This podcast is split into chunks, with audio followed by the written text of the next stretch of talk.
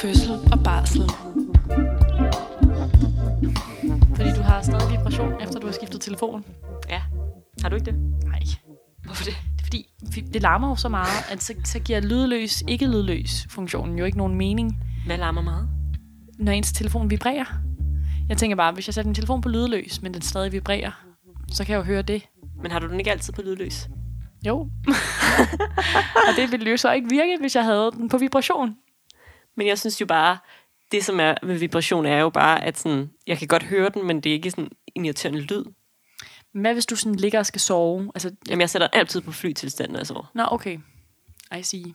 Ja. Du har bare sådan flere skalaer end mig. Du har sådan flere gear i Ja, din men, telefon. men hvad så, når der er nogen, der... Altså, så kan du aldrig høre, når nogen ringer. Jamen, hvis jeg sådan venter et opkald, Nå, så jo, jo. sætter jeg lyd på. Men nej, det er rigtigt, man, man får ikke fat i mig første gang. Men mindre jeg tilfældigvis Det sidder på min telefon. Men jeg sidder jo også på min telefon desværre tre timer om dagen eller sådan noget. Så der er jo faktisk sådan en okay chance. Du har telefontid mellem. Nej, fuck, hvor lort. Ja. Griner. Nej, det er desværre, fordi at telefonen jo bare fortæller mig, hvor mange timer jeg bruger på Mm. den I know. dagligt. Ja, det, I don't want to det er know. Frygteligt. Mm. Frygteligt tema. Nå. Hej, Musse. Hej, musse. Ej, Det har du aldrig nogensinde kaldt mig ikke før. sige. Nej, det kommer ikke over. Det kommer ikke over mine læber igen. Hej, Frederik. Hej. Så øh, sidder vi her til øh, sidste afsnit inden sommerferien. Ja. Vi har valgt at gå på sommerferie i år. Det gjorde vi ikke sidste år. Nej. Og det er jo ikke sådan en... Det er jo ikke en arbejdssommerferie fra sådan fødegangsarbejdet. Der mm. vil jeg sige, der venter, venter min til lidt senere på sommeren. Men øhm, jeg tror, det er meget godt med en lille podcast ferie, så vi kan samle kræfter til masser af dejlige post-sommerferie podcast episoder. Ja, det tror jeg helt klart også.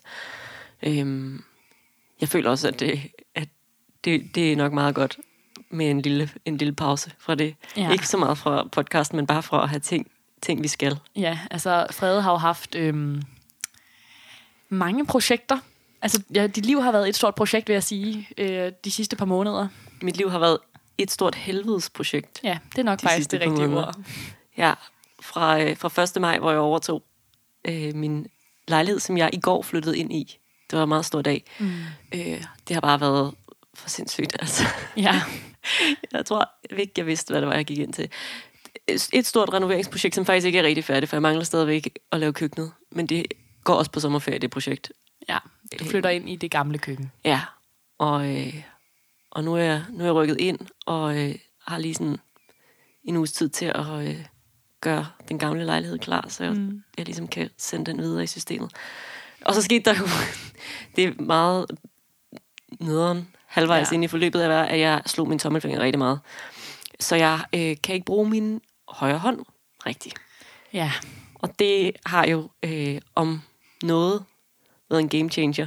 det vil jeg også sige. For det har i virkeligheden gjort, at jeg har øh, brugt min venstre hånd rigtig meget, men også måtte hive rigtig mange mennesker ind i det her projekt. Mm. Blandt andet dig, Ja. og øh, nogle andre jordmødre, og mine forældre rigtig meget, og min søster og hendes kæreste, mm. og alt, hvad jeg ellers kunne finde af kusiner og deres kærester. Og sådan, det har virkelig været... Øh, ja, en, Du har fundet mange gode mennesker, altså jeg har været meget imponeret over din... Øhm... mit netværk. Ja, det må Ja. man sige. Nå, men jeg har, det har et helt vildt godt netværk. Det, må, ja. det er rigtigt. Og øh, det, er jo, det er jo lykkedes, men fuck mand, Mm. det har også været op ad bakke. Ja. Jeg vil sige, der er mange ting i at have en skadet øh, højre tommelfinger. Det er nok ikke fedt for særlig mange mennesker, men sådan, som jordmor og som renoveringsmenneske, så er det fandme noget Så er det- ægte lort. i forneden. Ja, fordi det er jo sådan en anden ting. Det er jo, jeg er jo faktisk også sygemeldt for arbejde. Ja. Og det, øh, det er begyndt at øh, tage sin tørn på mig, eller hvad man siger. Mm. Det har virkelig været, øh, været hårdt ikke at være jordmor. Ja. Især fordi jeg havde en måneds ferie til ligesom at renovere. Og så øh, kom den her sygemelding i forlængelse af det. Ja. Så det er jo, øh, det er jo to måneder næsten siden jeg sidst var på arbejde. ja, Og det er vildt. det er hårdt. Ja. ja. Du var lige blevet sygemeldt, da jeg sad og øh, klippede vores sidste podcast-episode, hvor du siger, ej, jeg glæder mig til at komme tilbage, og nu er der kun en uge tilbage af min ferie, og Ja. Ja, jeg tænkte, det var okay, det ikke var dig, der klippede det, og skulle høre, høre lyden fra en, en anden tid. Ej, ja, ja. Det, det, det tror jeg, du har ret i. Jeg, jeg kan i hvert fald mærke, at, øh, at jeg savner at stå på en fødestue, og jeg Ja. savner at øh, være jordmor. Og øh, lige nu ved jeg ikke, hvornår det bliver igen, fordi jeg skal lige have styr på den her tommelfinger, som mm. øh, stadigvæk efter den måned siden, jeg slog den, øh, er dobbelt størrelse af, hvad den burde være. Mm. Og der er ikke rigtig nogen, der kan finde ud af, hvad den fejler. Nej. Men øh, forhåbentlig finder de ud af det, fikser den, og så er jeg bare tilbage hurtigst muligt. Ja, og det lyder som om, der er nogen, der arbejder på sagen, og øh, man kan også sige, at du har jo også haft den i den skinne i lang tid nu, så på en eller anden måde, så kunne man jo håbe, at øh, tingene heler ind i den. Det kunne man sagtens håbe. Tingene, vi ikke helt ved, hvad er. oh yes. Ja. Nå, men det er jo ikke min tommelfinger, det skal handle om i dag. Vi har jo øh, en lille plan Ja. Øh, om noget, vi skal snakke om. Og det er, øh, det er sjovt, for sådan, vi har en lang, lang liste af emner, vi rigtig gerne vil snakke om. Og det er som om, at øh, så får vi en besked fra en af jer, som siger sådan, uh, kunne det ikke også være rart, hvis I lige snakker lidt om det her? Og så tænker vi sådan, jo, det er en genial idé. Ja. Og så tager vi det dem. Så det er som om, vores liste bliver aldrig kortere, fordi I har så mange super fede emner, Ja. I beder os om at tage op. Og i dag tager vi et af dem op. Ja, en anden øh, equally irriterende ting, ligesom ødelagte tommelfingre og øh, kæmpe renoveringsprojekter, Ja. det er det, som man på fagsprog kalder dystosi, eller øh, manglende fremgang i fødslen. Det er simpelthen, når fødslen på et eller andet givet tidspunkt går i stå. Ja, Eller i hvert fald ikke går fremad, som vi tænkte, det burde. ja, og det er jo i sig selv ikke farligt på nogen måde, men mega demotiverende. Ja, meget. Og det er nok, altså det er det sted, hvor mange tænker sådan, nu gider jeg ikke mere. Mm. Fordi man kan klare meget, hvis man ligesom hele tiden sådan føler, at man er på vej mod et mål. Men, men når det lige pludselig stopper, og man ikke ved, hvornår tingene fortsætter, mm. så er det tit der, at folk bliver sådan ægte træt af at føde. Ja, og altså det man kan sige, det kommer vi jo også ind på i den her episode, det er, at vi har jo altid en plan. Så det personale, man har med til sin fødsel, vil jo have en plan for nogle ting, der skal gøres. Det er ikke bare sådan, så at man siger, Nå, men så gik fødslen i stå, så skal du bare fortsætte for evigt. Så på den måde er der jo altid en tidsgrænse og nogle ting, vi vil gøre for at speede processen lidt op og komme i gang igen. Men når det så er sagt, så ville det jo bare være dejligt, hvis alle fødsler bare kørte derud af og havde jævn fremgang hele tiden. Ja. Men øh, sådan er det ikke med fødende kroppe. Og øh, der kan være mange grunde til det. Det, det kommer vi ind på. Ja. Men jeg tænker, at øh, det kan give mening lige, at vi lige tager den tekstbog, vi har lavet. Yes, det gør vi. Tekstbogen. Der er stor forskel på fødsler og hvor hurtigt det går. Nogen vil opleve stillstand i løbet af fødslen, hvilket er helt normalt. Der er ingen regler for, hvor længe en opstartsfase kan tage.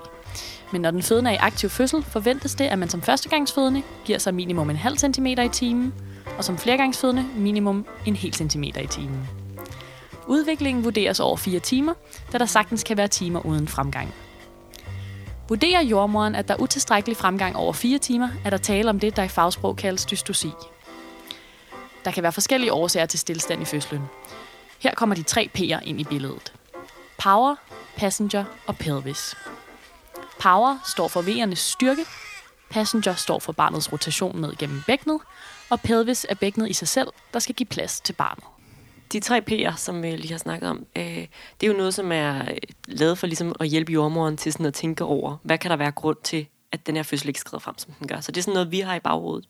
Mm. Øhm, og så tænker jeg, at det giver mening lige at starte med at sige, at den sidste pelvis, øhm, det er jo sådan, hvis bækkenet ligesom øh, er for lille i virkeligheden til hovedet, eller der mm. i hvert fald er noget... Øh, noget, der ikke ligesom matcher hinanden i forhold til hoved og bækken. Og det er ikke noget, vi ser sådan så tit. Nej. Så det er ligesom det, er ligesom det som man i sidste ende har i baghovedet, at det kan være et eller andet i bækkenet, der gør, mm. at barnet ikke rigtig kan komme ned. Mm. Men det er helt klart de første to P'er, øh, altså power og passenger, som er dem, vi ofte ser, øh, er grunden til, at ting ligesom ikke skrider frem i det tempo, vi godt kunne ønske os, det gjorde.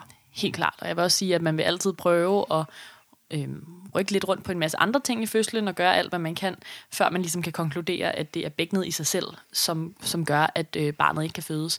Og øhm, jeg vil sige, det er meget sjældent, vi ser det, og det vil nok typisk være også, hvis man sådan, måske har haft en eller anden altså, stor skade på sit bækken på et eller andet tidspunkt.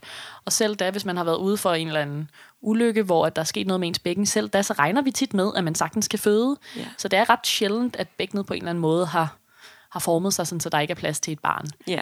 Øhm, man kan sige, hvis det ligesom er noget, jeg tænker, det er typisk noget, man vil sådan konkludere, hvis man har oplevet flere gange. Hvis man for eksempel har oplevet en gang, at der har været manglende fremgang, og man har fået kejsersnit i sidste ende, fordi at barnet slet ikke kunne trænge ned igennem bækkenet. Og man så har tænkt, det kan være, at der var noget med vejerne, eller det kan være, at der var noget med barnets indstilling, men hvis man så oplever det en gang til mm. ved andet barn, så er det der, hvor man kan begynde at sige, okay, der er et eller andet, der tyder på, at dit bækken ikke kan give plads til et barn. Ikke? Ja, så øhm. hvis man ligesom som, som jordmor ser, øh, er til en fødsel med en, med en flergangsfødende, og mm. ved, at, at sidste forløb endte i et kejsersnit på grund af mm. øh, nogle ting der, så kan man drage den konklusion. Ja. Det kan simpelthen være, at der bare er noget med bækkenet, der gør, at børnene ligesom ikke gider at komme ned igennem dem. Præcis. Så du har helt ret i det der med, sådan, det er ikke det, er ikke sådan, det, vi bare sådan konkluderer mm-hmm. øh, ud fra første forløb, for eksempel. Lige præcis. Øh, men de to andre, dem vil vi gerne dykke lidt mere ned i, fordi der er mange ting, der kan spille ind på power og passenger. Og øhm, jeg synes, vi skal starte med passenger.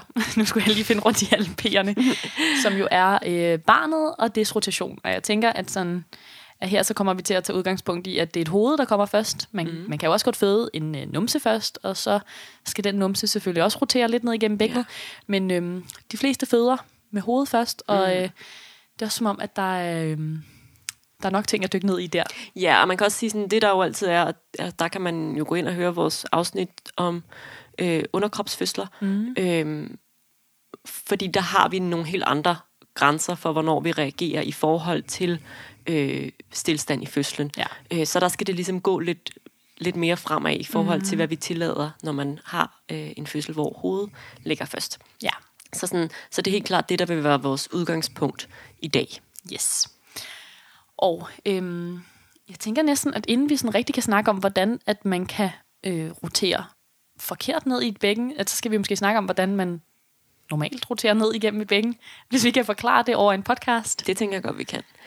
Fordi det, man kan sige øh, med et barn, det er, at øh, hovedet og bækkenet er ligesom øh, sådan en, øh, man kan lidt forestille sig sådan en klods, der skal ned gennem sådan en, sådan en man legede med som barn, hvor man har en kasse med mm. nogle huller, og så har man nogle klodser i forskellige former, og så skal man ligesom finde den rigtige vinkel mm. øh, for at få klodsen ned i kassen. Mm. Og det er lidt det samme med bækkenet. Altså bækkenet ændrer ligesom form fra toppen af bækkenet, og det er så sådan op en sådan hoftekarme, og så nede øh, i bunden af bækkenet, som er der, hvor, hvor øh, hovedet kommer ud til sidst. Og, og det gør, at barnets hoved ligesom skal rotere på den rigtige måde, for mm. at mhm. kunne komme igennem det her. Den kan ligesom ikke bare gå, gå lige ned eller noget. Så den skal, barnet skal indstille sit hoved rigtigt i bækkenet for at kunne få lov til at rotere på den her måde.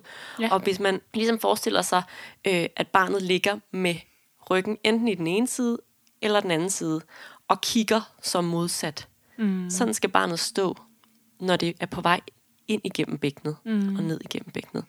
Ja, så sådan, at når jordmoren mærker på ens mave, så har man sådan en fornemmelse, eller jordmoren har en fornemmelse af, at ude i, nu begynder jeg at røre ved mig selv, som om, at der er nogen, der kan se det, men øhm, vi prøver at forklare i stedet, at ude i den ene side af den gravide mave, der, der er der mest ryg, og i den anden side er der mest arme ja. ben. Og det skal siges, at ryggen kan godt, øh, altså halsen er jo ligesom bevægelig, som vi ved, det vil sige, hovedet kan ligesom godt være drejet til den ene eller den anden side, så ryggen kan godt ligge lidt ind mod, mod øh, mors ryg, eller lidt ud mod maveskinnet, mm. øh, uden at det nødvendigvis betyder, at barnet ligger Klart. forkert, men det er, sådan, det er i hvert fald en ting, vi har med i vores overvejelser. Det, som ligesom er det væsentlige, det er, at hovedet står på en måde, hvor næsen ligesom peger ud i den ene af siderne. Mm. Ja, så skal kroppen nok følge med. Ja, lige præcis. Og, øh, og så skal barnet simpelthen rotere sådan en kvart omgang ned gennem bækkenet, mm. det vil sige, så hvis det starter med at, at kigge ud øh, til højre, så skal det, øh, når det når ned i midtpunktet af bækkenet, så skal det ligesom kigge øh, skråt bagud, og når det så kommer ned og er i udgangen af bækkenet, så skal det kigge øh, ind mod mors ryg. Det her, hvor man skal bruge funktionen på sin telefon, hvor man kan skrue ned for hastigheden af podcasten, og så høre det en gang til. Ja.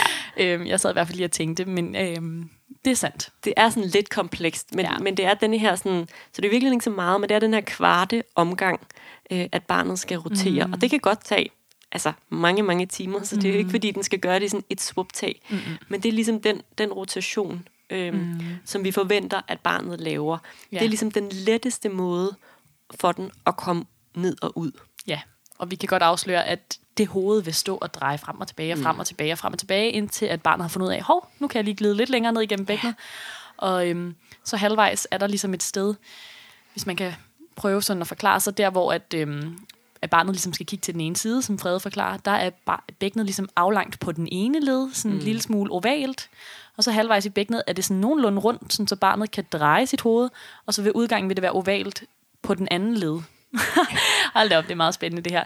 Øhm, men det er derfor, at, at barnet ligesom skal lave den rotation. Ja, og vi skal nok lægge nogle billeder ind af de her ting, så I lige kan sådan forholde jer til undervejs måske, når I mm. hører os snakke. Fordi det er, altså det er øh, her i fødslen, øh, hvis øh, jeg som jordmor oplever, at der er en fødsel, der er gået lidt i stå, øh, og at jeg ligesom skal prøve at regne ud, hvordan står det her barn i bækkenet, og øh, hvad kan vi gøre for at hjælpe det ned gennem bækkenet. Mm. Så går jeg ud øh, og henter et bækken med et dertilhørende barnehoved, som vi har, og så kan jeg ligesom vise, øh, hvordan øh, at man... Øh, at barnet skal rotere ned, og det er jo ikke et rigtigt barn, barnehoved. Det er selvfølgelig et plastikbarnehoved.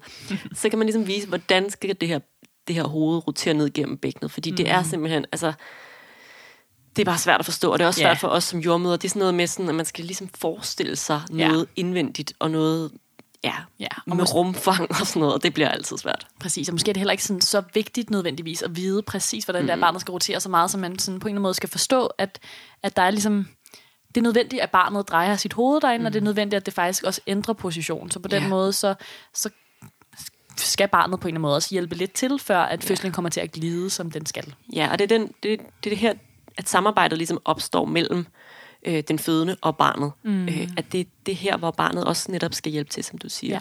Ja. Øhm, og en sidste ting, som jeg lige havde lyst til at tilføje, det er, øh, at barnet skal også ligesom flektere sit hoved, det vil sige, at barnet skal trække hagen ned mod brystet. Mm. Øh, og det er en anden ting, som kan lave en lille smule bøvl, at hvis mm. børn øh, insisterer på at have sådan en ret ryg og kigge lige frem, så har de rigtig svært ved at komme ned igennem mm. bækkenet. Øhm, så vi plejer at sige, at børn skal komme lidt ydmyge til verden. Mm-hmm. Og, øh, og her kan det næsten bedst give mening at prøve at forestille sig, hvordan man ligesom øh, ville tage en rullekravsvætter på. Eller man kan tage en rullekravsvætter Eller man på. kan tage en rullekravsvætter, fordi så vil man have en tendens til lige at bøje, bøje øh, hagen lidt ned mod brystet, fordi man ligesom, ens hoved er ligesom mindst øh, om bagtil.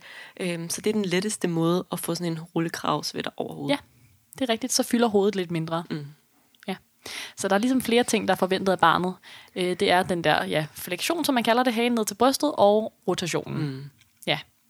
Og øhm, så kan det være, at vi skal gå ind i, hvad der ligesom kan ske her, som gør, at det bliver lidt sværere for det her barn at komme ned igen bækkenet. Og jeg, jeg tænker også noget, som vi lige må nævne, det er, at der er sådan nogle børn, der gør alle de her ting galt, eller hvad man mm. siger, eller gør alle tingene på deres egen måde, og stadigvæk bliver født. Ja. Og det er fordi, at, at der er nogle bækkener, der godt kan give plads til et barn, der roterer helt mærkeligt. Mm. Øhm, så det er ikke fordi, det er sådan et lighedstegn imellem, hvis barnet ikke roterer lige efter bogen, så bliver det ikke født vaginalt, men det er øhm, ligesom meget nemmere, ja. Ja. hvis det bare lige fulgte øh, de, de bedste, nemmeste anvisninger. Helt klart. Helt klart.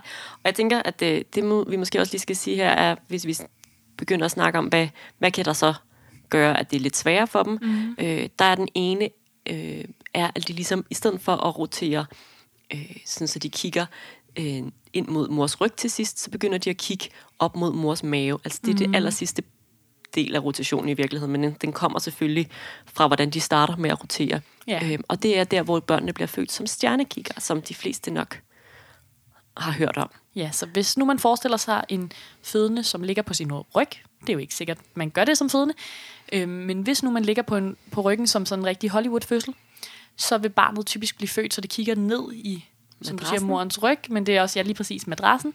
Og øh, stjernekigger kigger så op mod stjernerne, altså ja. de kigger opad. Øh, og det er jo stadig på sin vis den rigtige rotation, men det fylder, hovedet fylder en lille smule mere, når det bliver øh, drejet den vej rundt. Mm. Så øhm, de fødsler tager typisk lidt længere tid. Ja. Og øh, der er også nogle gange nogen, der ender med at få kejsersnit, øh, hvis barnet har drejet sig den vej rundt, fordi det simpelthen er lidt for svært for det at komme igennem sådan. Mm. Ja. Men der er også mange, der bliver født vaginalt den vej. Det er ligesom sådan en ting, hvor det kan sagtens lade sig gøre. Det er bare en afart af det normale. Øhm, men det er bare en lille smule mere besværligt. Ja, Mm. klart. Så det er den ene ting, som sådan et barn kan finde på at gøre.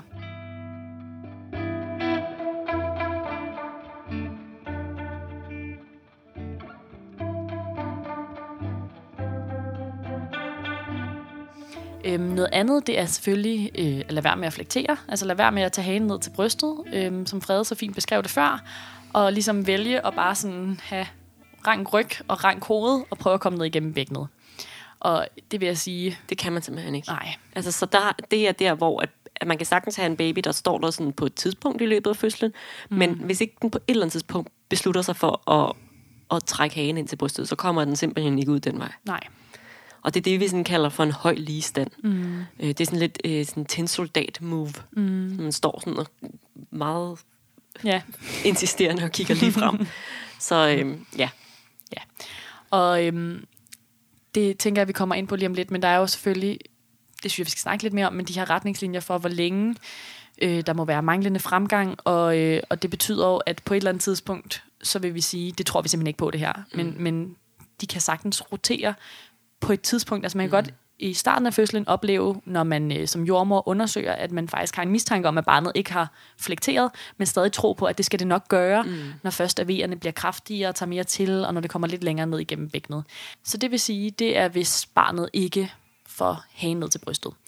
Øhm, og så er der nogle andre ting, som de kan finde på, og det er, hvis de... Øhm, nogle gange så stopper de bare et sted, så får de ligesom ikke drejet sig videre, mm. og så kommer de ikke det sidste stykke, eller hvis de får øh, hovedet, ligesom hvis man forestiller sig at tage øret ned til, til hvad hedder det, den ene skulder, altså sådan ligesom for, for drejet hovedet lidt, hvis man, mm. når man sidder og lytter lige, kan prøve at tage det ene øre ned til den ene skulder, og se for sig, at så, så er det lidt sværere for hovedet at komme ned, hvis, hvis nu at det er en lille smule sådan skævt Ja, så på det, vej ned. det er virkelig der, hvor- man tit siger, at, at barnets hoved står skævt i bækkenet. Mm. Det er der måske også nogen, der har hørt. Mm. Øhm, og, og igen, det er altså det her med, at hvis man forestiller sig tilbage til den der øh, klods øh, ned igennem en kasse, mm. at, at tit så vil, vil børnene, du ved, prøve lidt på den ene led, prøve lidt på den anden led, prøve mm. lidt frem mm. og tilbage, for at finde ud af, øh, hvordan hvordan kommer jeg bedst ned igennem det her mm. bækken? Og så er der nogen, altså der er jo også børn, som for eksempel bliver født i det, der hedder en ansigtspræsentation. Så vælger mm. de simpelthen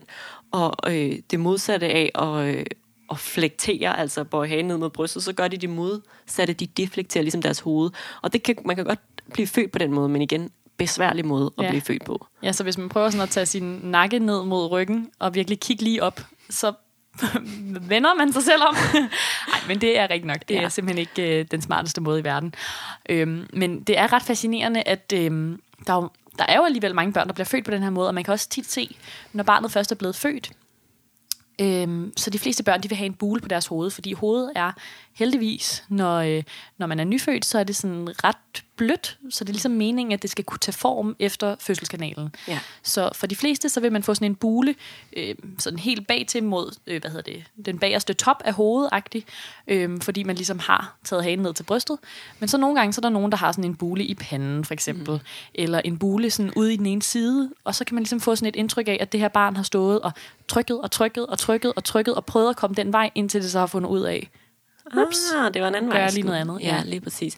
Og, og man kan også nogle gange se, at børnene har fået sådan, lavet blå mærker på Mhm. deres hoved, fordi de ligesom har stået og, og slået deres hoved lidt ind i øh, indersiden af bækkenet. Ja. Øhm, og ja, det er, er ganske normalt. Det er lidt den der med, at, sådan, at de prøver sig før, frem Mhm. børnene, indtil de finder den gode vej. Mm. Øh, men det er selvfølgelig tit og ofte ikke den fedeste måde for den, der skal føde barnet, fordi det kan gøre rigtig ondt, ja. altså Ja. hvis der står sådan et barn og, og slår sit hoved ind et eller andet ja. Sted på ens bækken. Øhm, Klart. og også det der med, at det bare tager lidt længere tid, det er jo ja. Også bare hårdt. Ja, men øhm, nu, når man sidder og hører det her og tænker blå mærker og buler, og det er mærkeligt og sådan noget, det er jo det, der er mening. Altså, det er jo så smart på en eller anden måde, at, at, at barnets hoved kan forme sig på den der måde. Så, øhm, så man kan blive født. Ja, Ja. helt klart. Men jeg tænker også, at øh, det er jo, det kan, man, det kan vi sige allerede nu, men det er jo øh, typisk, hvis man har et barn, der stiller sig uregelmæssigt, som vi kalder det, altså sådan ikke bare glider ned igennem bækkenet, som øh, sådan efter bogen. Det er mange af de fødende, som er gode kandidater til for eksempel at få en epiduralblokade, eller få noget mere smertelindring, Ja. øhm, hvis man ligesom kan fornemme, at det her, den her fødsel kunne godt trække lidt ud. Mm. Ja. Så på den måde er der også ting at gøre for den fødende, for ligesom at lindre lidt, når Ja. man har øhm, et hoved, der lige skal finde ud af, hvilken vej det skal dreje. Ja, det er jo her virkelig, at epiduralblokaden virkelig viser sit værd, altså mm. fordi det kan, det kan gøre sådan en her fødsel tålig, og mm. gøre, at netop hvis man, hvis man har en fødsel, hvor der lige pludselig er, øh, er manglende fremgang over nogle timer, så er det jo også der, hvor det, det hele begynder at blive hårdt, ikke? Også mm. fordi det både gør fødslen længere, øh, men også den, det demotiverende i, at man ikke ligesom kan se fremgangen, gør også, at man mm. nogle gange kan blive lidt mere modløs, og det, det er der, hvor en pause mm. fra det hele kan give rigtig god mening, sådan, så man kan både samle kræfter, øh, men også øh, altså, rent fysisk kan være med i det, fordi mm. man, man får en pause for de, de sådan, mm. klart mere øh, uudholdelige smerter, det er, hvis man oplever, at der er et barn, der står øh, dumt i ens bækken. Ja, præcis.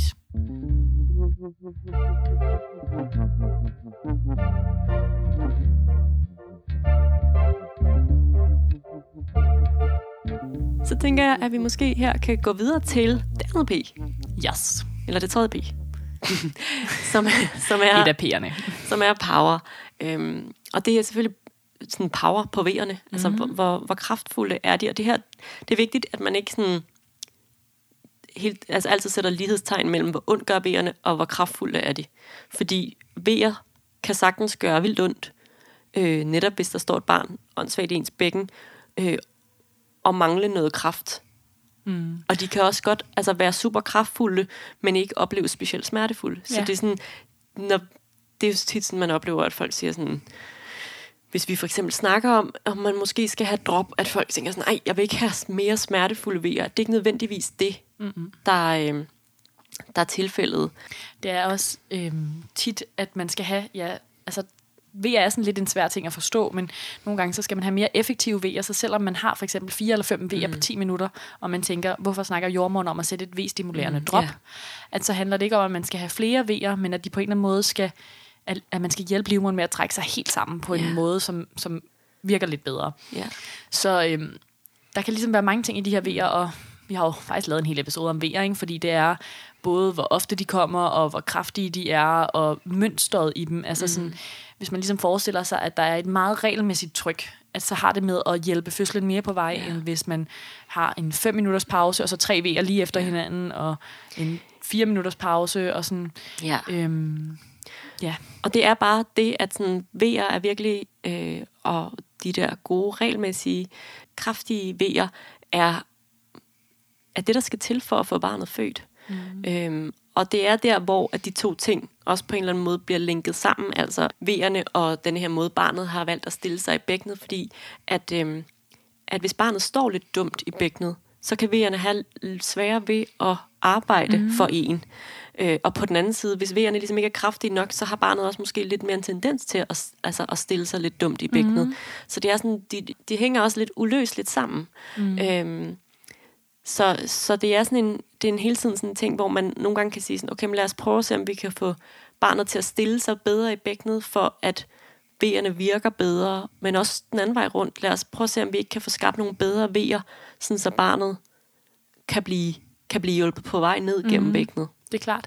De to ting skal ligesom på en eller anden måde hjælpe hinanden. Ja. Og måske tænker man, hvordan kan barnets måde at stille sig på påvirke V'erne? Og øh, sådan en måde, man kan forklare det, det er, hvis, hvis barnet ligesom ikke får lavet det rigtige tryk ned på livmorhalsen, hvis nu det øhm, har stillet sig lidt skævt med hovedet, så vil livmoren, altså det lyder måske lidt mærkeligt, men den kan blive sådan lidt irriteret, eller ja.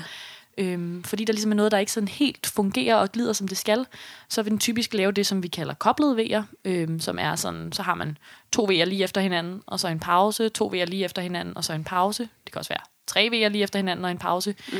Men det der med, at de sådan ligger meget tæt, og så en lang pause. Meget tæt og en lang pause. Ja. Eller at de bare er uregelmæssigt i sådan et fuldstændig mærkeligt mønster, ja. hvor at der så er de lidt regelmæssige, og så kommer der en lang pause, så kommer der en mega kraftig V, og så mm. kommer der en meget mild V, og, øhm, og det er sådan en livmor, der ikke helt kan finde ud af, hvad det er, der foregår ja. inde i den.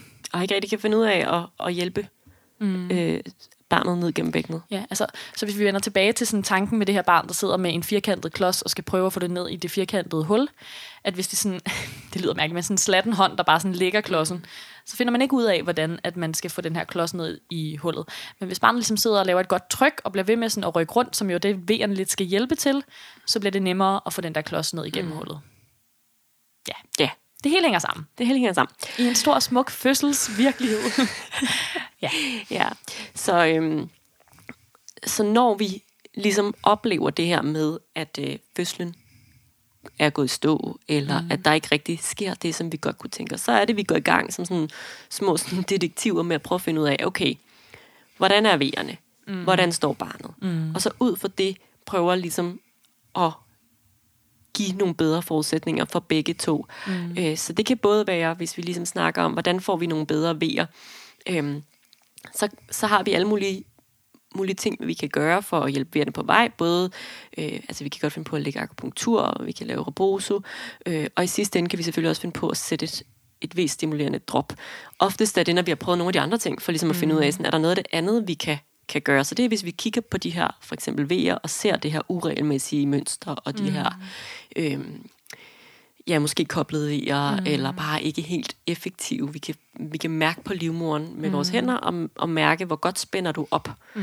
Øh, og så ud fra det, og nu siger jeg du, og det er ikke dig fødende, det er du livmor. Mm. Øhm, vi har en meget nær kontakt til du livmor. øhm, og så vil vi ligesom prøve at vurdere, sådan, er de her vejer effektive nok, mm. til vi tror på, at de er i stand til at hjælpe barnet godt på vej. Ja. Og der er jo ikke, altså alt det her, vi fortæller lige nu, der er jo ikke noget ansvar på, øh, at man som fødende selv skal have noget overblik over, hvor regelmæssigt de her vejer er, når man er i aktiv fødsel, og hvordan fremgangen er, hvordan barnet er roteret. Det er jo på en eller anden måde for at give et indblik i alle de ting, som jordmoren går rundt og holder øje med. Mm. Og øh, har man sådan en hjertelydskurve på, så laver den automatisk også et V-mønster, og ellers så har vi jo også en fornemmelse af, sådan, når vi er inde på stuen, kommer de her vejer bare dut, ja. dut, dut, som perler på en snor, og er de alle sammen kraftige, eller, øhm, eller er der ligesom meget lange pauser en gang imellem? Ja, og tit snakker vi også mere om det. Altså sådan, mm. øh, især hvis vi er der, hvor vi tænker sådan, uh, er de helt så gode, som vi godt kunne tænke os? Øhm, så snakker vi lidt om, hvad er dine oplevelser mm. af de her vejer?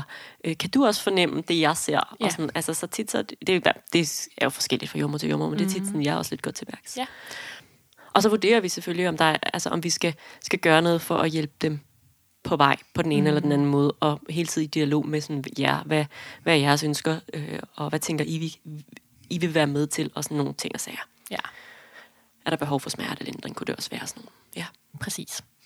Så det er ligesom en af de ting, vi holder øje med, det er V'erne, og så kan vi også vurdere, når vi undersøger den fødende indvendigt, så kan man som jordmor eller læge, hvem der nu undersøger, mærke, hvordan barnet har drejet sit hoved. Så det er også en af måderne, vi ligesom kan holde øje med, at det her samarbejde imellem V'er og barnet, der skal dreje sit hoved, at det fungerer, som det skal. Ja, og det er derfor, vi nogle gange bruger lidt ekstra tid på øh, undersøgelserne, altså når vi undersøger vaginalt, så kan vi godt finde på at være sådan lidt... Øh, ekstra omhyggelige, mm. og det er selvfølgelig ikke altid så sjovt, men det gør vi også i samarbejde med jer. Sådan, hvad meget kan I være med til? Men det kan give os rigtig meget information, og man kan sige, går fødslen bare fremad, så er det ikke så relevant for os at vide, øh, hvordan og hvorledes, fordi så, så tager, tyder alt ligesom på, at, øh, at det hele bare går, som det skal. Men, men særligt, hvis vi er der, hvor der tingene er gået i stå, så kan det være rigtig vigtige informationer, vi kan få ud af, mm. og lave sådan en grundig øh, undersøgelse, fordi vi ligesom kan mærke på barnets hoved, hvordan det har placeret sig i bækkenet. Det gør mm. vi ved at mærke på, at der er nogle bløde punkter, som hedder fontaneller, øhm, og nogle ligesom øh, kanter på kraniet, som forbinder de her fontaneller, som hedder suturer, og de kan fortælle os, øh, hvordan det her barn står i bækkenet. Og det, mm. øh, det er ikke altid det letteste, og det er sådan noget, vi også godt kan finde på at hive en kollega ind til lige at mærke med, for at vi sådan i samarbejde kan sådan bruge vores hjerner til at prøve at gennemskue, hvad er det, det her barn laver inde mm. i bækkenet. Præcis. Og som du siger så fint, så det er jo noget, vi begynder på at altså, bruge mere energi på, hvis der ligesom er en tegn til, at fødslen ikke skrider frem, ligesom den skal. Ja. Og øhm, som vi sagde allerede i tekstbogen, så har vi jo ligesom nogle faste retningslinjer for, hvor hurtigt skal en fødsel skride frem. Mm. Øhm, og det er jo et samarbejde med jer også at finde ud af, hvad tænker I, hvor utålmodige er I? Har I mod på at give det lidt længere tid? Men hvis man sådan går fuldstændig efter bogen, så plejer man at sige, at en førstegangsfødende, som er i aktiv fødsel, skal åbne sig en halv centimeter i timen som minimum, mm. og en flergangsfødende i aktiv fødsel skal åbne sig en centimeter i timen. Så det vil sige, når man er sådan 5 cm og har gode vejer, så som førstegangsfødende, er det normalt, at det tager 10 timer mm. at blive 10 cm, altså helt åben. Ja. Og så skal barnet også rotere ned igennem bækkenet. Og der er også nogle retningslinjer for, hvor lang tid kan det tage, når man ja. er helt åben, før man ligesom øh, kan skimte barnet imellem altså labia, altså man, hvor man har en fornemmelse af, at nu er det kommet hele vejen ned igennem bækkenet. Mm.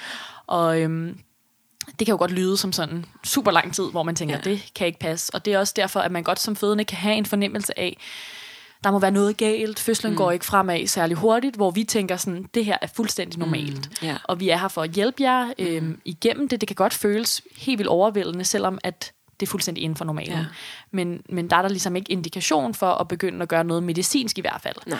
Øh, så kan vi selvfølgelig bruge vores andre tricks til at prøve at skubbe fødslen lidt hurtigere fremad, mm. men øhm, der er ligesom ikke indikation for at lave et decideret sådan indgreb i fødslen. Nej, og, øh, og det er jo også så her, at man godt nogle gange kan opleve, at det er jo meget sådan kassetænknings agtigt det der med at sige sådan en halv centimeter i timen, og det er jo ikke sådan, det altid fungerer. Så man kan jo godt opleve, at man måske giver sig øh, 3 centimeter på en time. Mm. Øh, man kan også opleve, at man har nogle timer, hvor det står stille. Mm. Øh, og det er derfor, vi ligesom vurderer det, efter der er gået fire timer, vurderer mm. vi, hvad der er sket i løbet af de sidste fire timer. Og hvis man så er førstegangsfødende, så skal man være givet som minimum to øh, centimeter hen over de sidste fire timer. Mm. Og hvis mm. ikke man har det, så er det, vi begynder at sige sådan, hmm, Ja. Skal vi begynde at tilbyde for eksempel at sætte et drop? Ja. Øh, og, og også sådan, der er sådan nogle andre ting, vi også sådan, tænker på. Vi, vi går meget op i, hvordan, hvornår har du tisset for eksempel? Mm.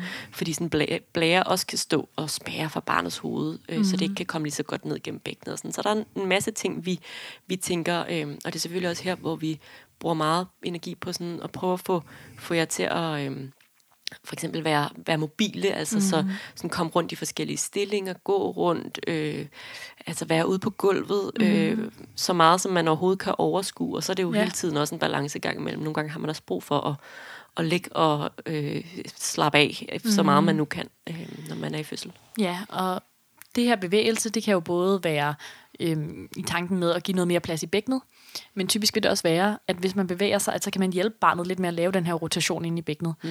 Og så er der nogle sådan specifikke bevægelser, sådan noget reboso for eksempel, hvor vi som jordmødre, eller vi kan instruere ens fødselshjælper til ligesom at bevæge bækkenet med et tørklæde, hvor man ryster det, for ligesom at sige, ryste, ryste, ryste, roter mm. nu dit hoved, ja. ikke?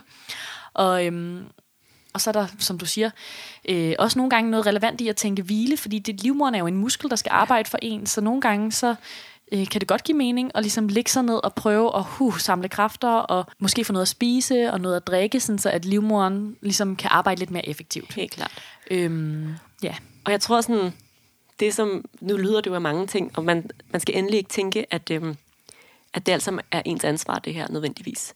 Altså, men det, man skal tænke, er, at det er det, som vi som jordmøder hele tiden går og vurderer, og hele tiden prøver sådan at finde ud af, mm. hvad, kan, vi, kan vi tanke op på alle de her parametre? Kan vi sørge mm. for, at, at, øh, at du for eksempel har øh, fået noget saft, så du har noget energi at arbejde på? Øh, kan, vi, kan vi gøre det på en eller anden måde, sådan at sige, nu prøver du lige at tage en time, hvor du slapper af, og mm. måske give noget fodmassage, eller, eller altså så vi på ja. en eller anden måde hele tiden tænker ind i, kan vi give både baby og den fødende de bedste forudsætninger for øh, denne her fødsel. Mm. Så give kroppen det, den har brug for. Øh, hjælpe barnet med at rotere på den måde, den skal. Mm. Øh, så vi sådan på den måde kommer, kommer i mål. Lige præcis. Og så tænk hele tiden oxytocin. Ja. Hvad kan man gøre for at booste oxytocin?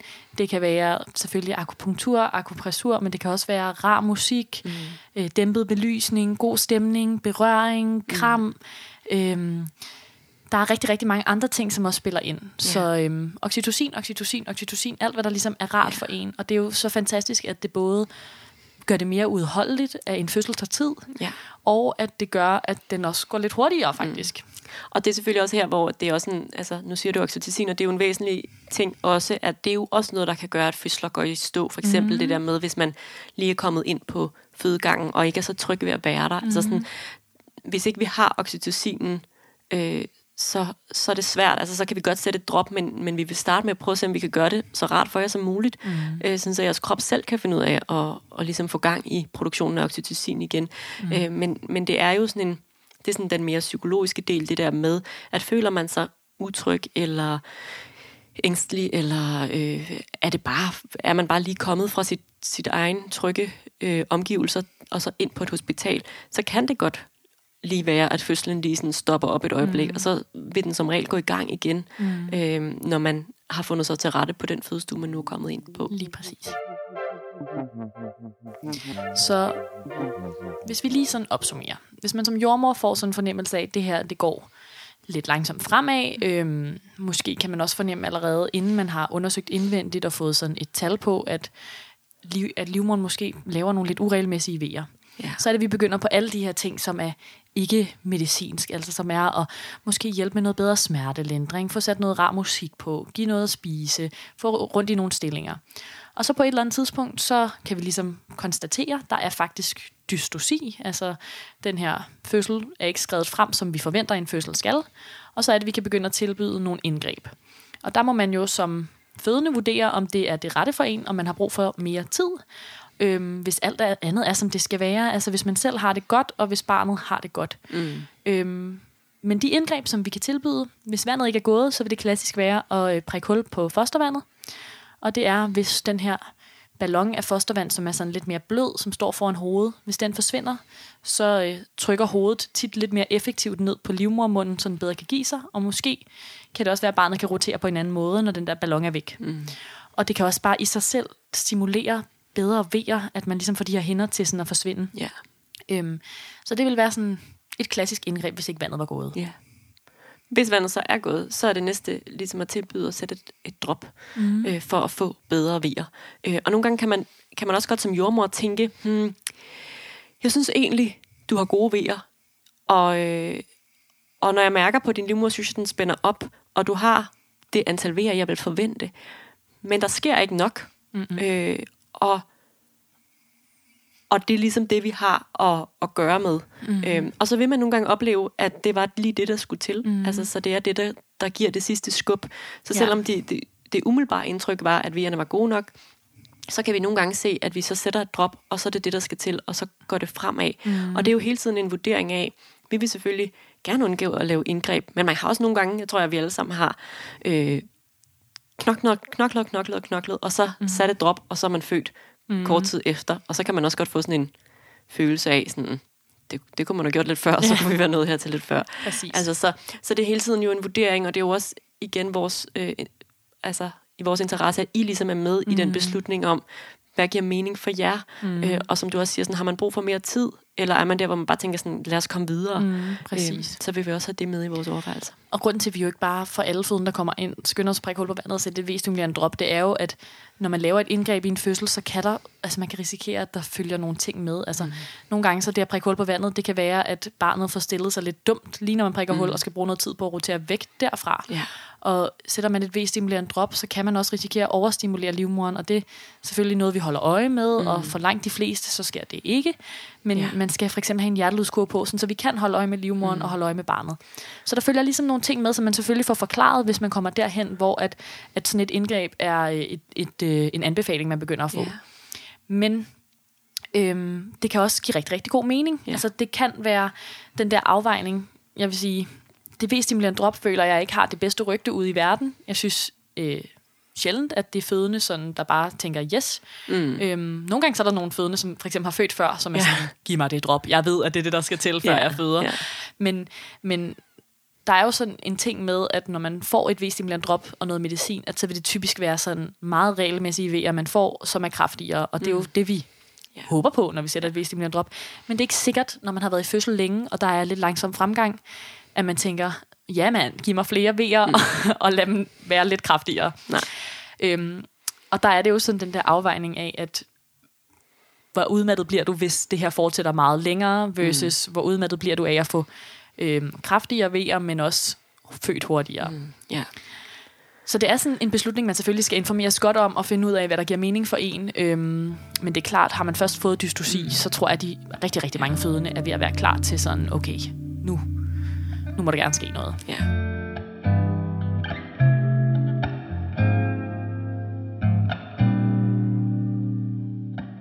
Nu har vi øh, været igennem sådan nogle af de her forskellige ting, både med, med hvordan fødslen kan gå i stå, og hvad man kan gøre. Øhm, og så synes jeg lige, at, øh, at også fordi vi har snakket meget om centimeter, mm. at det kan være relevant lige at sige, at man kan også godt opleve det, der hedder en, øh, øh, en langvarig nedtræningsfase. Altså, så man kan egentlig have en fødsel, der, der kører der ud af, øh, går rimelig hurtigt, man bliver 10 cm, og så går det i stå der. Mm. Og, øh, og her er det sådan, vi, det vi som jordmøder gør, er ligesom også at prøve at vurdere. Nogle gange så tager kroppen en pause mm. her, fordi så er den knoklet, knoklet og knoklet, og så har den brug for et break, inden den skal til at presse. Ja. Men på et tidspunkt, så begynder det også, hvis ikke ligesom, at den så kommer i gang igen, øhm, så, øh, så er vi jo samme sted, som vi, vi var i alt det andet, vi har snakket om, at så, så er der dystosi, eller så mm. går det ikke fremad, som vi, vi gerne vil have. Mm. Og så er det, vi begynder at tænke, hvad kan vi gøre? Øh, og grunden til, at jeg lige tænkte, at vi lige skulle nævne det, det er, at det kan være et virkelig frustrerende sted mm. at være, øh, at, øh, at det er bare hårdt. Altså fordi man tænker, nu er vi så tæt på målet, mm. og så lige pludselig øh, går det i stå det hele. Mm. Og, øh, om vi som jordmøder kan bede jer om at gøre alle mulige ting, for ligesom mm. at skubbe det på vej mod slutningen. Mm. Øhm, og det er selvfølgelig her, hvor vi kan gøre alle de samme ting, som vi lige har snakket om. Øh, men det er også her, vi i sidste tilfælde kan finde på at sætte, lægge en sugekop, mm. øh, hvis, hvis baby ligesom ikke kommer ned og ud, som vi gerne vil have. Øh, det kræver selvfølgelig, at barnet kommer tilstrækkeligt nok ned i bækkenet, til man kan lægge den. Mm. Men, øh, men vi, det kan godt være sådan en proces, hvor vi prøver alle de her ting, og måske prøver at presse mm. lidt før man mm. normalt vil presse, fordi nu har det varet så længe, og mm. man er ved at være træt og udkørt, og så til sidst, hvis man så har presset, så kan man måske presse barnet ned på bækkenbunden, og så er det der, mm. man kan lægge en sugekop. Ja. Øhm, og det, øhm, det er bare for ligesom at anerkende, at det er der nogen, der vil, mm. vil opleve, og det er bare sådan et, det er virkelig sådan et, der trækker tænder ud, mm. øhm, fordi at, øh, at man troede, man var lige ved at være ved måls ende, og så kan der godt være, eller ved vejs ende, og så kan der godt være nogle timer i sig selv i det med at mm. få barnet ned på bækkenbundet, bunden og få barnet ud derfra. Mm. Ja. Øhm. Og det er jo faktisk altså, fuldstændig normalt, at det tager to-tre timer for ja. et barn at komme, når man er helt åben, og komme ned, mm. til man skal presse. Øhm, og det i sig selv overrasker også mange. Ja. Og hvis den fase så tager endnu længere tid, ja. øh, så kan det være et lidt vildt tidspunkt at skulle i gang med alle de her ting. Det man sådan, så omvendt kan vende om, det er jo at sige, at når det så først virker, så er man jo tæt på mål. Ja, så det er ja, jo sådan ja, ja. en irriterende slutspurt, mega demotiverende, fordi man troede, at nu var man lige der, ja. men omvendt så, øhm, så regner vi jo også med, at når man ja. først begynder at pille lidt ved tingene, så, så forventer vi også, at man skal føde snart. Ikke? Ja, og så man kan sige, at den normale vejhed er det der med at gå fra at være øh, 10 cm til at skulle presse en time, mm. men som sagt, der kan godt, man kan godt være det i tre timer, mm. øh, hvor det stadig er normalt. Og så mm. kan man godt se, at hvis det så også tager en time eller to at presse barnet ud, så er der lige pludselig fem timer, mm. fra man er helt åben. Og det er de færreste, der tænker øh, det. Mm. Og hvis det så tager ja, 6 eller 7 timer, så man, er man der, hvor man øh, er mør til sidst. Klart. Altså så, så, øh, det er klart. så det er også bare det... for at sige, at det kan være, det kan være vanvittigt hårdt. Præcis. Øh, men det er også der, hvor vi netop er der til at, mm. at guide jer alt det, vi kan, og vi mm. gør alle de ting, vi kan, mm. øh, for at, øh, at hjælpe det hele på vej. Mm. Og jeg synes også, at det er der, hvor man er mega motiveret. Mm. Altså, øhm, ja, jeg har virkelig nogle, haft nogle seje fødende i det forløb, hvor man ja. bare tænker sådan, du troede ikke, du havde mere i dig, og nu mm. står du på hovedet, Præcis. fordi jeg har bedt dig om det. Ja. Øh, og det er altså også bare et sted, hvor man virkelig, altså hvor de fødendes sådan, ægte power kommer til udtryk, fordi at, at, øh, at man er bare er så motiveret for at få det her barn mm. ud på det her tidspunkt, øh, at man også ligesom godt kan se, sådan, det er ikke nu, jeg skal give op. Klart. Og så kæmper man bare den, ja. den bravste kamp. Ja, og så skal man jo også virkelig altså, hele tiden huske på i alt det her med dystosi og langsom fremgang, at øhm, man er ligesom ikke bare kastet ud i den evige uendelighed. Der er altid en form for sådan øh, endelinje, eller, eller sådan, altså vi, vi holder øje, og vi vil ikke give det for evigt. Vi gør alle vores ting, vi laver indgreb, hvis det er der, vi er kommet til, og så er der stadig en grænse for, hvor lang tid det skal tage. Mm. Og det er jo, øh, det kan godt være ubehageligt at høre om, at man så i sidste ende kan ende i et kejsersnit for eksempel, men det er på en eller anden måde også virkelig nådigt, at man ved, at der er ligesom en form for grænse. Ja. Og hvis man står, finder sig selv stående i et forløb, hvor at man slet ikke kan overskue, hvad der skal ske, så må man gerne spørge om, ja. hvad er tidshorisonten, og det øh, kan være, at man synes, det er lidt mærkeligt at spørge om, fordi hvad er en tidshorisont i en fødsel osv. Men der er altså en tidshorisont, mm. og jordmoren har den altid ind i sit hoved, og tit så siger vi det ikke højt, fordi man tænker, nu skal den fødende have sit space, og bare have mulighed for at øh, arbejde med sin vejrtrækning og arbejde med vejerne. Og så, øh, hvis man kan mærke sådan, nu har jeg faktisk brug for at vide det, så må man gerne bede om det. Ja, og det er også her, hvor sådan, at, at aftaler om, øh, altså for eksempel at få en epiduralblokade mm. og blive lagt til at sove, altså sådan kan være en plan. Mm. Øh, og nogle gange kan man også være ude i, at vi måske har haft et drop, der har kørt, øh, og hvor man så siger, din krop har brug for en pause, nu slukker vi droppet, mm. øh, og så får du en pause, og netop måske en epiduralblokade, og får lov til at sove, mm. altså nogle timer, og så starter vi det hele op igen. Så det kan også godt være, mm. øh, alt afhængig af, hvor man er i fødslen og sådan noget, ja. men det kan også godt være en plan. Øh, så vi har mange ting at gøre med, men du har helt ret i, at, at der er også et tidspunkt, hvor vi ligesom kaster håndklædet i ringen, og det gør vi også tit i mm. samarbejde med jer. Altså alt er selvfølgelig afhængig af den lille baby, der ligger inde i maven, men, men tit i sådan nogle her dystociforløb, så er det ikke barnet, der ligesom mm. er presset, men så er det den fødende, og så prøver vi ligesom i fællesskab at finde ud af, hvad er den gode løsning. Mm. Og der vil både være øh, nogen, der har det sådan, nu kan jeg ikke mere, jeg har brug for at det her slutter. Øh, og så, så laver vi en plan, I ligesom kan være med i. Øh, men vi, altså, vi har også haft eksempler på, hvor vi har øh, besluttet os for, at øh, nu er det tid til et kejsersnit, og vi har gjort alt, hvad vi kunne. Og så den fødende er sådan der, fandme nej.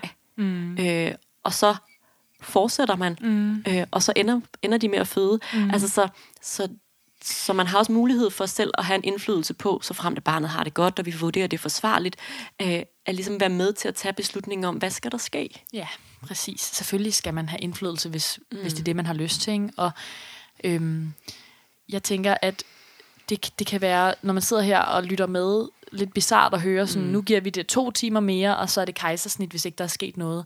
Men, men det er nogle af de ting, som jeg tænker er virkelig betryggende på en fødestue, altså fordi man kan ikke ligge og tænke, at det her det skal bare blive ved med for evigt. Altså, mm. Men man kan ligesom på en eller anden måde sådan bedre forholde sig til, okay, de her to ja. timer, det kan jeg godt klare. Jeg har klaret 18 timer op mm. til, eller... Ja. Øhm, og, og jeg arbejder rigtig meget med sådan tidshorisonter, når jeg er på en fødestue og ja. siger sådan, nu er det så det, ja. så meget, mm. og så mærker jeg på dig på det her tidspunkt, og så forventer jeg, at der er sket det og det og det, og hvis ikke der er sket det, så kan vi gøre de her to ting. Ja. Øhm, og så nogle gange, så kan jeg fornemme, at der bare er en fødende, der har brug for ligesom ro, mm. og så mm. gør jeg det ikke så meget, men, men man må gerne bede om det. Ja, helt øhm, klart. Jeg tænker sådan her til sidst, at det som ligesom er noget af det vildeste ved at opleve sådan et dystociforløb, det er øhm, både hvor demotiverende det er, men også hvor sindssygt mange kræfter mm. man har som fødende. Altså hvor, hvor, øhm, hvordan man på en eller anden måde kan blive ved med at finde kræfter. Og nogle gange så har jeg oplevet fødende, det ved jeg ikke om du har oplevet Frede, men som kigger på en og er sådan, nu kan jeg ikke mm. mere. Og der er ligesom forskellige måder, man kan sige det på. Det lyder ja. måske lidt mærkeligt, men man kan sige, jeg kan ikke mere, jeg er, sådan, jeg er træt, og ja. så kan jeg sige, det kan du godt. Jeg, jeg kan se på dig, sådan, det kan du godt. Altså, du, øh, du er mega træt, det anerkender jeg. Du er sindssygt udfordret. Det her er vildere, end du havde forestillet dig. Men sådan, vi hjælper dig. Hvad skal du bruge af smertelindring? Mm. Hvad kan vi gøre for dig? Vi hjælper dig til det her tidspunkt. Mm. Ikke? Og så nogle gange, så kommer man også derud, hvor der er nogen, der ligesom vidderligt ikke kan mere, og så skal vi selvfølgelig også lytte til det. Ja. Men, men der er nok mange fødende, der vil opleve at sige sådan, giv mig det kejsersnit, ja. eller nu vil jeg ikke mere, og så er der en jordmor, der siger, det kan du godt. Og sådan, det skal det kan, du. Altså, ja, sådan, det kan jeg også finde på at sige, fordi der, der er nogle tidspunkter, ja. hvor vi er de der jordmøder, der siger, det skal du. Ja. Og så er der andre tidspunkter, hvor vi sådan siger, det, det kan jeg godt se, mm. og øh, vi må lave en plan, og så hiver vi en læge ind. Og, sådan.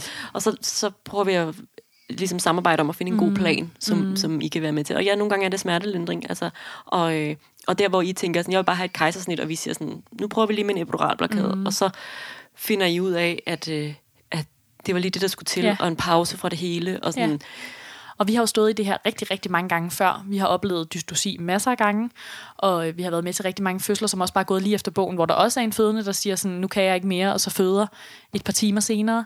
Øhm, og var mega stærk og sej, så sådan, øhm, vi skal selvfølgelig nok hjælpe jer og lytte, og det er også, man må meget gerne sige det højt. Man må sige det lige så mange gange, man vil, og man må... Øh, altså, det hjælper os jo også til at forstå, hvor man er henne i forløbet, mm. men øhm, vi prøver jo vidderligt at give jer det bedste forløb tænkeligt. Og det er fordi, vi også ved, at det er også en vild oplevelse at få et mm. kejsersnit. Det kan også være helt vildt overvældende, og, yeah. og, øh, og så skal vi jo ligesom inde i vores hoved regne ud, hvordan kan du føde på den bedst mulige måde for yeah. dig. Yeah. Og det er jo det, der ligesom er vores, hele vores opgave. Mission. Ja, ja helt klart. Ja. Det, er jo, det er jo et vanvittigt afsnit, det her, på mange måder, og, sådan, og jo nok ikke øh, sådan på den måde det fedeste at høre, hvis man aldrig har født før, fordi man tænker sådan, gud, tænk hvis det bliver mig. Og jeg tror ikke, man skal, man skal ikke tænke det på den måde. Man skal, man skal tænke det som, øh, formentlig kan min krop bare finde ud af det her? Mm. Men hvis ikke, at tingene går ligesom, som man måske håber, så ved I i hvert fald, at vi, øh, vi er der til at hjælpe jer, og mm. vi er der til at prøve at få de her børn rystet godt ned gennem mm-hmm. bækkenet, og vi bruger rigtig mange af alle mulige underlige tricks med for eksempel at lave sådan noget rebose, hvor man ryster bækkenet øh, den ene vej og den anden vej, mm. og øh, beder jeg om at stå i alle mulige stillinger, og beder jeg om at komme rundt, for at vi ligesom kan hjælpe, og det gør vi også, selvom at der ikke er nødvendigvis er, øh, er det, der hedder dystosi, men bare hvis vi ligesom har en idé om, at det kunne hjælpe fødslen. Mm. Øhm, og I også, der er også nogen, der bare gør det af sig selv, fordi I har hørt om det, eller måske har gået til noget fødselsforberedelse, hvor I er blevet instrueret i det. Øhm, så I allerede bare gør det selv, og det er bare, det er bare super fedt. Mm. Øh, og nogle gange kan kroppen også fortælle, hvad det er, der er brug for. Så nogle gange så mm. står I i de mærkeligste stillinger, hvor man tænker sådan, hold da op, mm. hvad skal det til for? Men så, så er det simpelthen, fordi kroppen instinktivt ved, mm. øh, at hvis jeg gør sådan her, så skaber jeg mere plads til min baby, mm. og så går det hurtigere. Øhm, så, så der er også meget, der sådan kommer helt af sig selv. Mm. Øh, og mange af de her ting, som vi bruger, også selvom at man ikke er der, hvor at, øh, at fødslen ægte er gået i stå, men bare fordi mm. man måske tænker sådan, det, det gør bare, at den forløber mere smooth. Lige præcis. Ja, måske kan man bare bruge altså også episoden til at høre, hvordan, hvad er det for nogle ting, der spiller ind i en fødsel, mm. og, og hvad kan man gøre for at hjælpe det på vej. Og så må man jo også sige, det er jo os, der har fundet på de her retningslinjer. Altså mm. det er jo sådan, på en eller anden måde noget, man har besluttet i Danmark, at ja.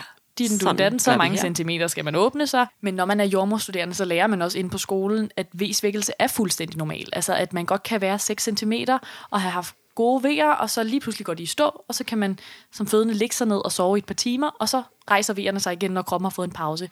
Men det er ikke sikkert, at... Øhm, altså det er ikke så tit, det er sådan, det bliver udført i praksis, fordi at mange fødende, som er 6 cm, hvor at vejerne går i stå, har lyst til, at der skal ske noget i stedet.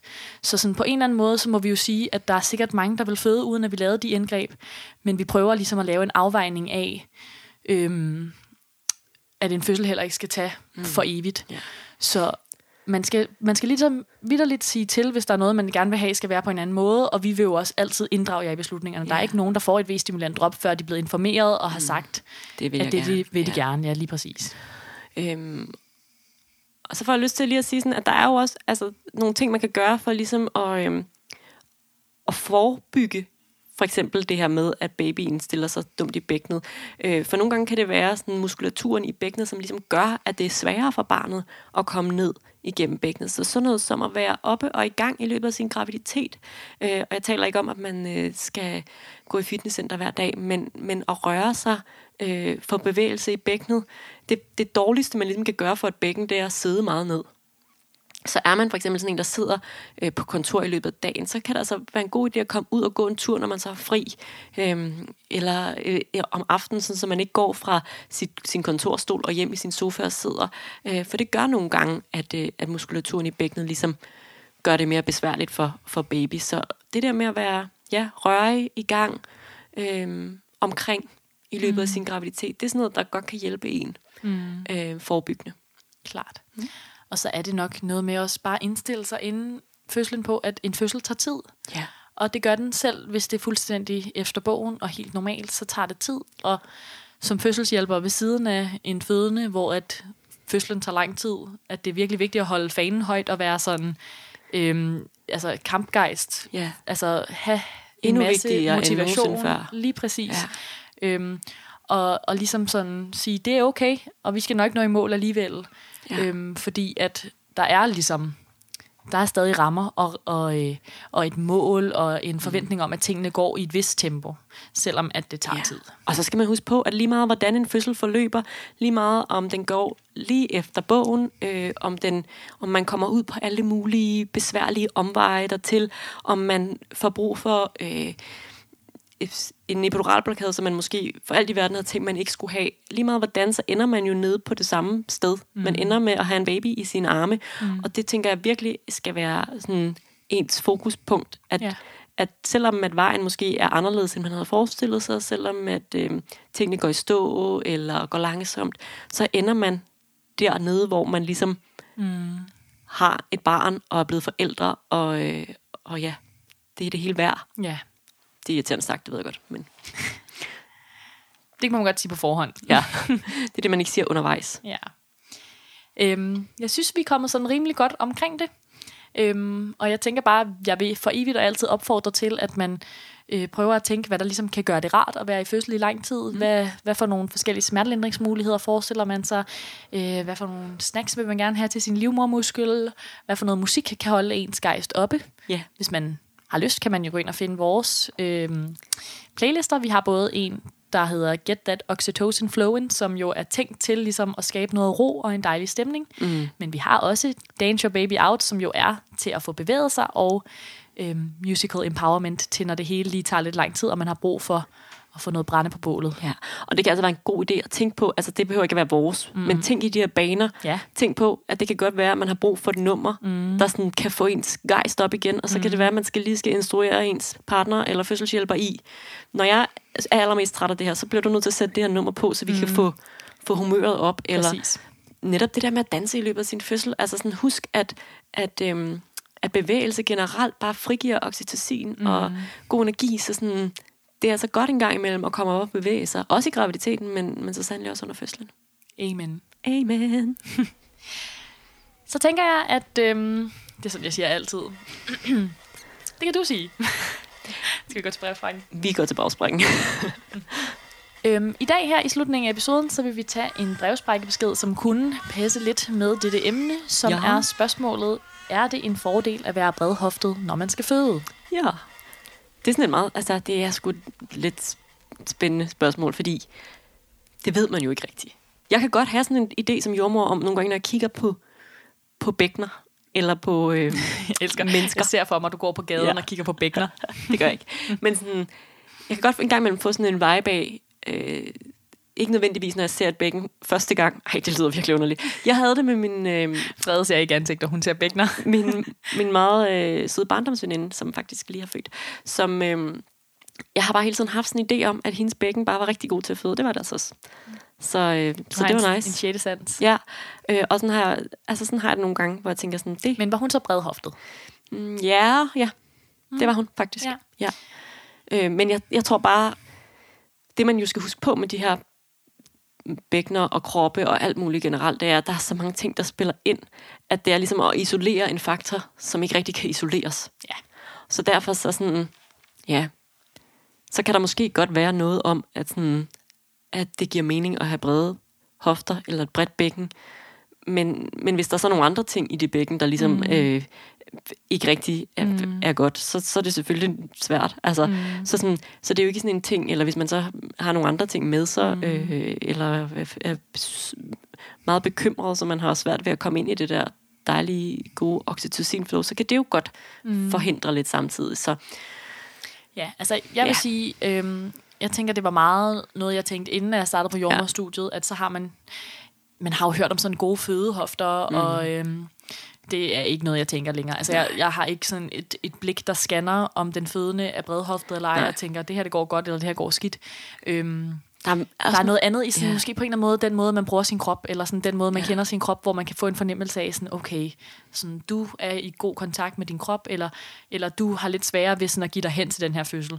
Ja. Og selv da, må man jo sige, altså, der kan være nogen, der spænder op alt, hvad de overhovedet kan, og bliver liggende i den ene samme stilling, og stadig føder som lyn og, føder som lyn og torden. Altså, Ja, ja. Øh, og så kan der være nogen, som har en virkelig god øh, forbindelse til deres krop, hvor at der er et eller andet, hvor barnet får indstillet sig skævt. Så, så det er jo vidderligt ikke noget, man kan sige på forhånd Nej, det, det, en er, altså, det er svært at spå, og vi gør det jo meget. Mm. Og nogle gange rammer vi plet, men jeg tror, der er ligesom mange faktorer, der skal være på plads. Ja. Øh, og som, som tit og ofte er på plads. Men, men derfor kan man ikke rigtig sådan sige, sådan, denne her ene ting er det, der gør, at alt bare går smooth. Mm. Det vil jeg give dig ret i. Så Ja. ja. er man ikke bredhoftet, men smalhoftet, så vær ej bekymret. Du kan sagtens føde, og øhm, vi regner med, at det går lige så fint. Og det man jo tit gør, det er, at man jo laver børn, der passer til sit bækken. Det er jo så smart. Det er smart. Lad os øh, slutte der. Øh, vi skal videre i verden. Ja, og øh, vi skal jo som altid, især nu, hvor vi faktisk skal på sommerferie, Ja. øh, lige minde jer om, at Du er øhm, så god. I meget gerne må støtte os og hjælpe os med at holde hjulene kørende. Ja. Hvis I lytter til vores episoder og tænker, at I lærer noget, og I får noget ud af det, så øhm, kan I gå ind og finde på Instagram. Vi har lavet sådan et highlight til, hvordan man kan hjælpe os. Ja. Og øhm, vi er glade for alle slags hjælp. Man kan for eksempel fortælle sine venner, at vi eksisterer, sådan så man får spredt budskabet lidt. Man kan lave en anmeldelse inde på iTunes. Det er meget nemt og gratis. Mm-hmm. Man kan også sende os nogle penge. Vi har lavet sådan en mobile paybox. Ja. Øhm, og man kan faktisk også lave et abonnement, et frivilligt abonnement, hvis man har lyst på tier.dk, mm-hmm. hvor at man vælger for eksempel at betale 5 kroner hver gang, vi udgiver en episode, og det er kun de fremtidige episoder. Ja. Så der er ligesom en masse muligheder for at støtte os, og det er klart, at øhm, det gør det meget sjovere og nemmere for os også at få, øh, få hjælp til at få klippet episoderne og, øh, og sende en masse episoder ud til jer, hvis øh, vi får noget støtte. Noget støtte, ja. Og, øhm, og så tænker jeg også lige, at vi kan sige, at, øh, eller lige reklamere kort for, at der kommer til at være Vigtigt. en øh, lille sommerferiegave til jer i form af øh, en øh, promocode til vores samarbejdspartner Moons and Junes her inden for de nærmeste, den nærmeste fremtid. Meget vigtigt. Så hold øje på vores Instagram-profil, øh, så I ligesom kan nyde godt af, af det, og have noget lækkert undertøj til, til sommeren her. Ja, vi tænkte, at det var ligesom måden at skyde sommeren godt i gang, hvis man ikke allerede har Moons and Junes undertøj, så... Eller bare brug for noget mere. Ja. ja, altså, det har vi alle sammen. Det har vi alle sammen, mm. helt klart. Øhm, så hold lige øje med det. Mm. Og så tænker jeg egentlig, at, øh, at vi bare skal takke af Ja. for i dag. Det gør vi, og så ses vi Og sige rigtig god sommerferie. Ja, lige præcis. På den anden side. Ja. Auf Wiedersehen. Så Du lytter til Fødselskanalen. Det er sgu da fedt, mand.